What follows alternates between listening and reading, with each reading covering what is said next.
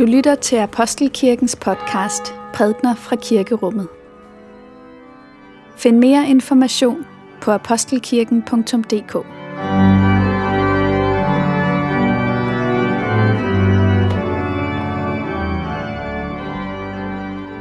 God morgen alle sammen, og velkommen til gudstjeneste her i Apostelkirken på denne anden søndag efter påske. I dag så skal vi høre en tekst fra Johannes evangeliet. En ganske velkendt tekst, for en del i hvert fald, hvor Jesus han siger, Jeg er den gode hyrde. Dagen i dag bliver også kaldt for hyrdesøndagen. Og det skal handle om, hvad ligger der i dette, at Jesus er den gode hyrde. Lad os først nu samle vores tanker i det, vi lytter til bedeslagene. Vi skal læse fra Ezekiels bog, kapitel 34. Lad os takke for Guds ord. For Guds ord i skriften, for Guds ord i blandt os, for Guds ord inden i os, takker vi dig, Gud. Dette siger Gud Herren. Jeg vil selv søge efter mine får og holde øje med dem. Som hyrden holder øje med sin hjort, når hans får er spredt rundt om ham, således vil jeg holde øje med mine får og udfri dem fra alle de steder, hvor de blev spredt på de mørke skyers og mulmets dag. Jeg vil føre dem ud fra folkene, samle dem fra landene og bringe dem til deres eget land. Jeg vil vogte dem på Israels bjerge, ved vandløbene og overalt i landet, hvor de bor. På gode enge vil jeg vogte dem, og på Israels høje bjerge skal de finde deres græsgange. Der skal de lejre sig på gode græsgange og græsse på frodige enge på Israels bjerge. Jeg vil selv vogte mine får og lad dem lejre sig, siger Gud Herren. De vildfarne vil jeg lede efter, de bortkommende vil jeg føre tilbage, de kvæstede vil jeg forbinde, de syge vil jeg styrke, de fede og stærke vil jeg passe på. Jeg vil vogte dem på rette måde. Johannes evangeliet kapitel 10 Jesus sagde, Jeg er den gode hyrde. Den gode hyrde sætter sit liv til for forne. Den, der er daglejer og ikke er hyrde, og ikke selv ejer forne, ser ulven komme og lader forne i stikken og flygter. Og ulven går på rov iblandt dem og jager dem fra hinanden. For han er daglejer og er ligeglad med forne. Jeg er den gode hyrde. Jeg kender mine får, og mine får kender mig, ligesom faderen kender mig, og jeg kender faderen. Og jeg sætter mit liv til for forne. Jeg har også andre får, som ikke hører til denne folk. Også dem skal jeg lede, og de skal høre min røst, og der skal blive en hjort, en hyrde. Lad os bede sammen. Herre, lad dit ord nu blive til liv for vores tro. I faderens og søndens og helligåndens navn. Amen. I forbindelse med forberedelserne til denne gudstjeneste og teksten, som knytter sig til denne søndag, så faldt jeg over et billede, som gjorde et ganske stort indtryk.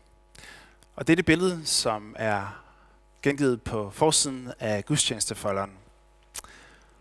Hvis I har den foran jer, så prøv at kaste et blik på det. Hvad ser vi? Ja, vi ser jo et billede, som på mange måder skildrer den tekst, som vi netop har læst. Centralt, der har vi hyrden, som bærer et får på sine skuldre. Vi ser også, at han har får ved sin side. Jorden er samlet. Hvis man kigger efter, så kan man også godt se, at billedet er af ældre dato. Farverne er egentlig ganske kraftfulde stadigvæk, men det er ikke svært at se, at det er stødt flere steder, at det er medtaget af tiden. Det er slidt. Det fremstår ikke længere så skarpt. Og det er der en god grund til, for det er et af de ældste Jesus-billeder, vi har i hele kirkehistorien. Det er malet tilbage i det 3. århundrede, og øh, gudstjenestefolderen røber os, hvor det er, at det er at finde hende, nemlig i katakomberne i Rom. For dem jer, der ikke har været i katakomberne i Rom, så er det jo de her enorme store underjordiske gravanlæg uden for Roms bymure. Det var sådan at når man skulle tage afsked med sine kære dengang, så tog man dem uden for byen.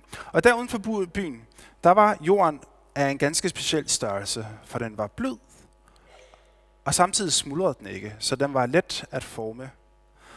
Og det gjorde, at man kunne udarbejde de her gravkamre. Man byggede ned i jorden, og ikke bare, hvad kan man sige, i et plan, men i flere etager byggede man gangarealer. Og man gravede, og man gravede, og på siden af gangarealerne, der hvad kan man sige, huggede man små hyldesatser ud, eller små nischer, hvor man så kunne stede sine kære til hvile. I den forstand så er katakomberne en gravplads for de døde. Og hvis I står og skal ned på disse kanter, så kan jeg varmt anbefale at besøge det. Der var et antal større gravpladser rundt omkring Rom. Ikke kun et sted. De kristne de holdt særligt til ved en håndfuld af disse katakomber rundt omkring. Og det specielle er, at de kristne kaldte ikke katakomber for katakomber. Det er noget, et navn eftertiden har givet disse steder. De kristne kaldte disse steder for sovesteder. Sovesteder.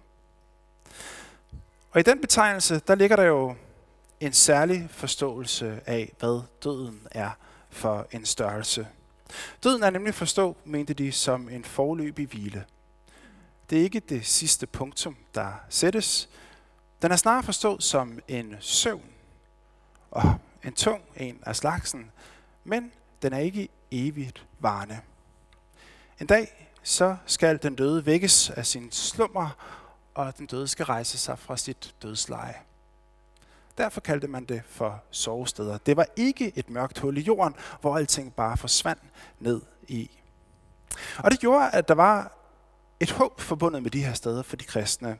Og det vil sige, at det var et sted, man søgte tilbage til. Det var ikke kun, hvad kan man sige, fortiden, som fandt sted i disse katakomber. Der var noget omkring fremtiden, som også var på spil her. Og man mødtes i små kapeller, som man udformede i tilknytning til de her gravsteder. Og der mødtes man kristne for at mindes sine kære sammen, og også for at opmuntre hinanden i det kristne håb.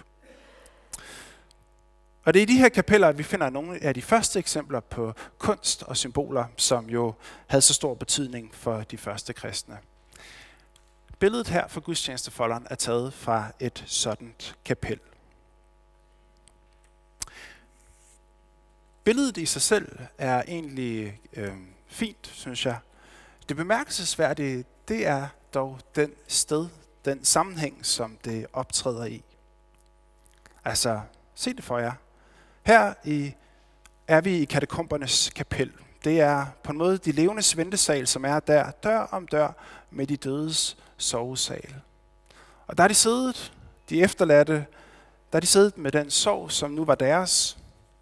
Nogle måske med en uro for, hvad fremtiden ville bringe nu, når at de ikke havde centrale personer ved sin side længere.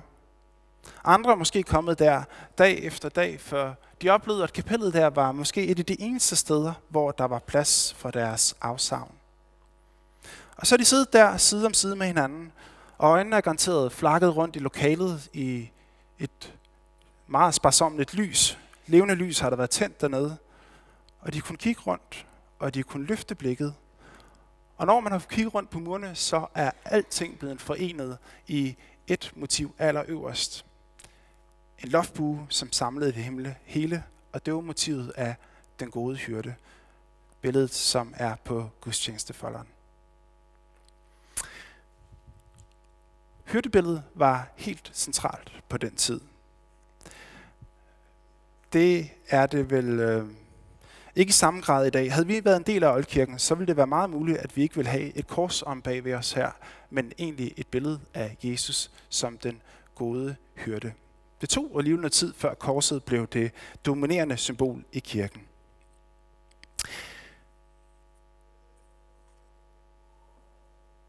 Hyrdetemaet kommer ikke ud af det blå. Det er ikke noget, som Jesus indfører. Jesus det er godt nok ham, der siger, jeg er den gode hyrde, men det er ikke, hvad kan man sige, et billede, som Jesus finder på. Nej, det er noget, som har, hvad kan man sige, ansat sig fra det gamle testamente. Vi har stødt på det allerede to gange i den her gudstjeneste. Først hørte vi teksten fra Ezekiels bog. Og det er en tekst, som tager sit udgangspunkt i en ganske dramatisk situation. Folket er i trængsler. Folket er i nød.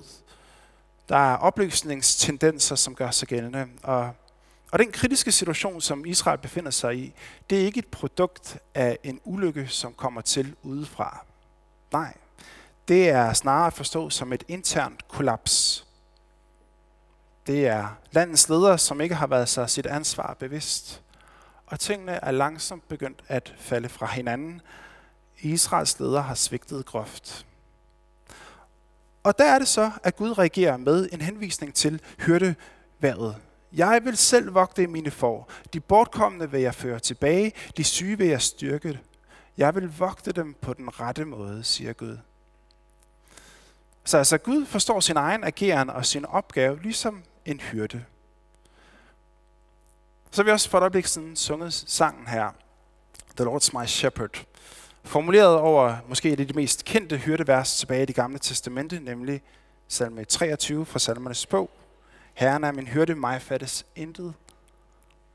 Og hvor det i Ezekiel-teksten er Gud, som forstår sig selv som hyrden, så er det i salme 23 snarere salmisten David, som forstår, at David er som et får.